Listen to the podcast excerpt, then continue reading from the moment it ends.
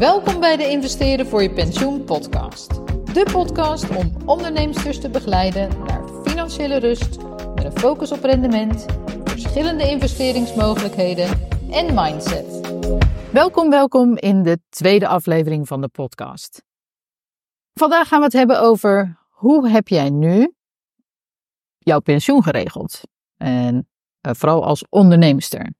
Dus hoe heb jij nu als onderneemster jouw pensioen geregeld? En allereerst wil ik eventjes iets zeggen over de titel nog in mijn podcast uh, serie. En dat is pensioneren kun je leren. En ik merk heel vaak dat mensen toch daar iets meer uitleg bij willen. Want pensioneren is in mijn ogen gewoon rentenieren. En rentenieren betekent dan kunnen leven van je vermogen. Dus alle opbrengsten die de investeringen van jouw vermogen opleveren, dat je daarvan leeft. Dat je dus niet meer hoeft te werken. En dat rentenieren, dat zagen we vooral al eh, vroeger bij van die oude traditionele families, die heel zuinig leefden.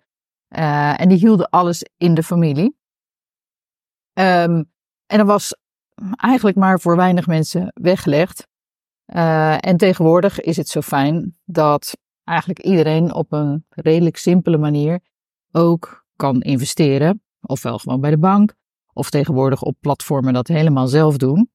Zonder dat je daar trouwens heel veel tijd aan kwijt bent. Hè? Want dat hoor ik al, oh, moet ik het helemaal zelf gaan doen? En dan moet ik daar heel veel tijd in. En dan moet ik de krant gaan lezen. En daar heb ik allemaal geen zin in. En daar ken ik niks van.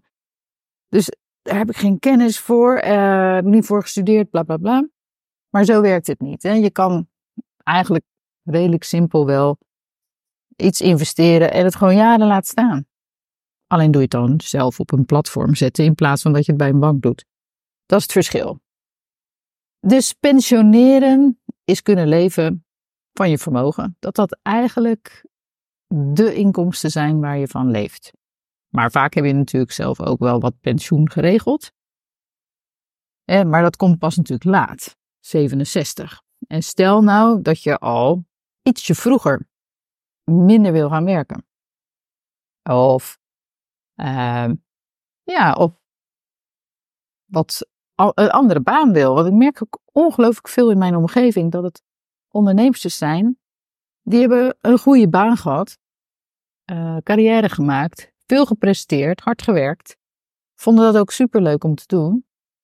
En komen nu op een leeftijd dat ze zeggen: Ja, is dit het nou? Is dit nou eigenlijk wat ik wil? En heel veel van mijn klanten stappen dan over op uh, een ander, andere baan of een andere onderneming. En worden coach of uh, ja, gaan meer in uh, servicegerichte beroepen. Dat is wel heel grappig om te zien, omdat ze dat presteren. Dat hebben ze allemaal al gehad. En wat kan ik nu nog bijdragen?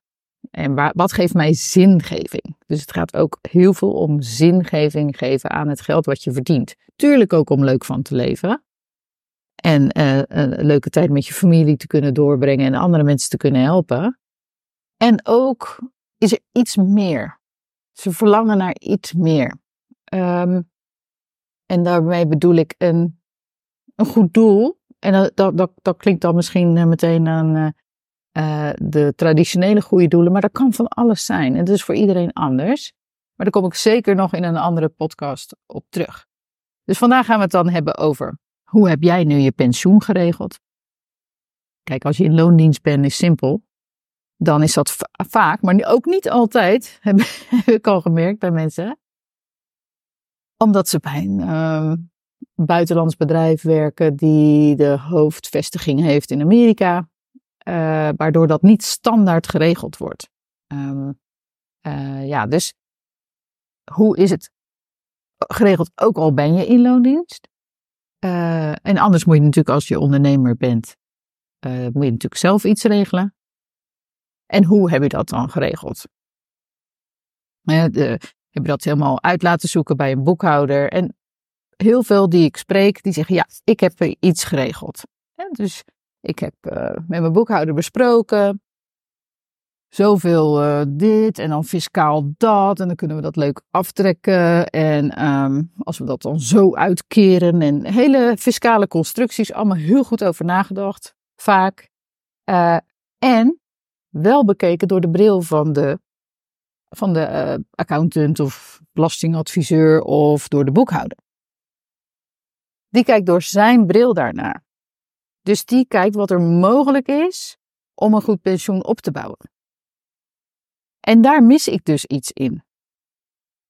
En wat ik daarin mis is uh, eigenlijk, dat is allemaal leuk en aardig, maar uh, ja, hoeveel gaat dat dan zijn? Dus dan ben je eigenlijk afhankelijk van de formule van de accountant of van het fiscale stuk van de belasting. En uh, volgens de regels van wanneer je het mag krijgen enzovoort. En dat krijg je dan. Uh, aan het einde van de rit of wanneer je met pensioen gaat. Um, en ja, dat, daar zijn niet zo heel veel mogelijkheden in. Dus ik vind het wel belangrijk om je ook af te vragen van, hoeveel is dat precies? En wat ik dus ook al in de vorige aflevering heb gezegd, hoeveel is dat dan nog waard over zoveel jaar? Want het kan allemaal wel leuk, uh, uh, best een leuk bedrag zijn.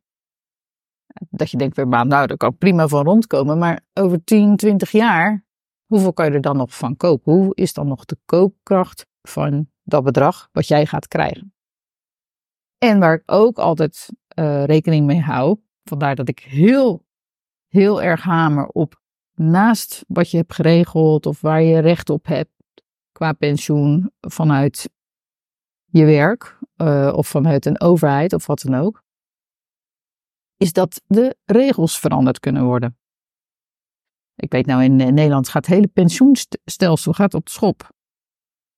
Ik weet ook, dat wist uh, mij een, fiscalist te vertellen, dat ooit in België uh, hebben ze niet alle pensioenen uitgekeerd. Of niet het volledige bedrag, want de overheid had geld nodig.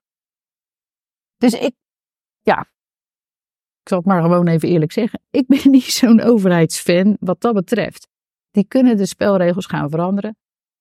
Ze geven ongelooflijk veel uit aan dingen waar ik denk van, is dat nou allemaal nodig? dus de staatsschulden, niet alleen maar van België en Nederland, ter wereld, uh, in de westerse wereld dan, lopen echt wel heel hard op. En die moeten allemaal een keer terugbetaald worden. En dus die, die rente is ook al gestegen. Dus de staatsschuld die moet afgelost worden en de rente wordt, en die wordt ook hoger. Dus het wordt steeds moeilijker voor de staat om hun schuld af te lossen. En waar lossen ze het mee af? Ja, ja, toch over het algemeen met de opbrengsten van staatsobligaties. Uh, of je belastinggeld. Dus ja, daarom uh, vind ik het echt heel belangrijk. In ieder geval, zo denk ik erover. Uh, je mag het met me eens zijn of ook totaal niet. Ik vind het helemaal prima. Maar daarom vind ik het belangrijk dat je dat in je achterhoofd houdt. Nu is het zo geregeld met ons pensioen. Uh, hoeveel is het dan nog waard uh, over zoveel jaar? En gelden dan nog dezelfde spelregels uh, qua belasting? Um, um, ja, of zijn die regels of is het pensioenstelsel dan nog een keer veranderd? En is dat ten goede van, van jou, van mij, van iedereen? Misschien is het beter. Nou ja, des te beter. Uh, dat zou uh, heel fijn zijn. Maar goed, dus volgende keer, in de volgende aflevering van uh, de podcast, gaan we het dan hebben over hoeveel pensioen ga jij nodig hebben als je bij pensioen gaat en hoe kom je daarachter. En dat gaan we uitgebreid bespreken in de volgende podcast volgende week. Tot dan! Bedankt voor het luisteren naar de Investeren voor je pensioen podcast. Heb je vragen naar aanleiding van deze podcast of wil je weten hoe ik jou kan helpen? Ga dan naar mijn website liswijma.be en schrijf je in op mijn inspiratiebrief. Of volg mij op mijn social media kanalen onder mijn naam Liz Wijma.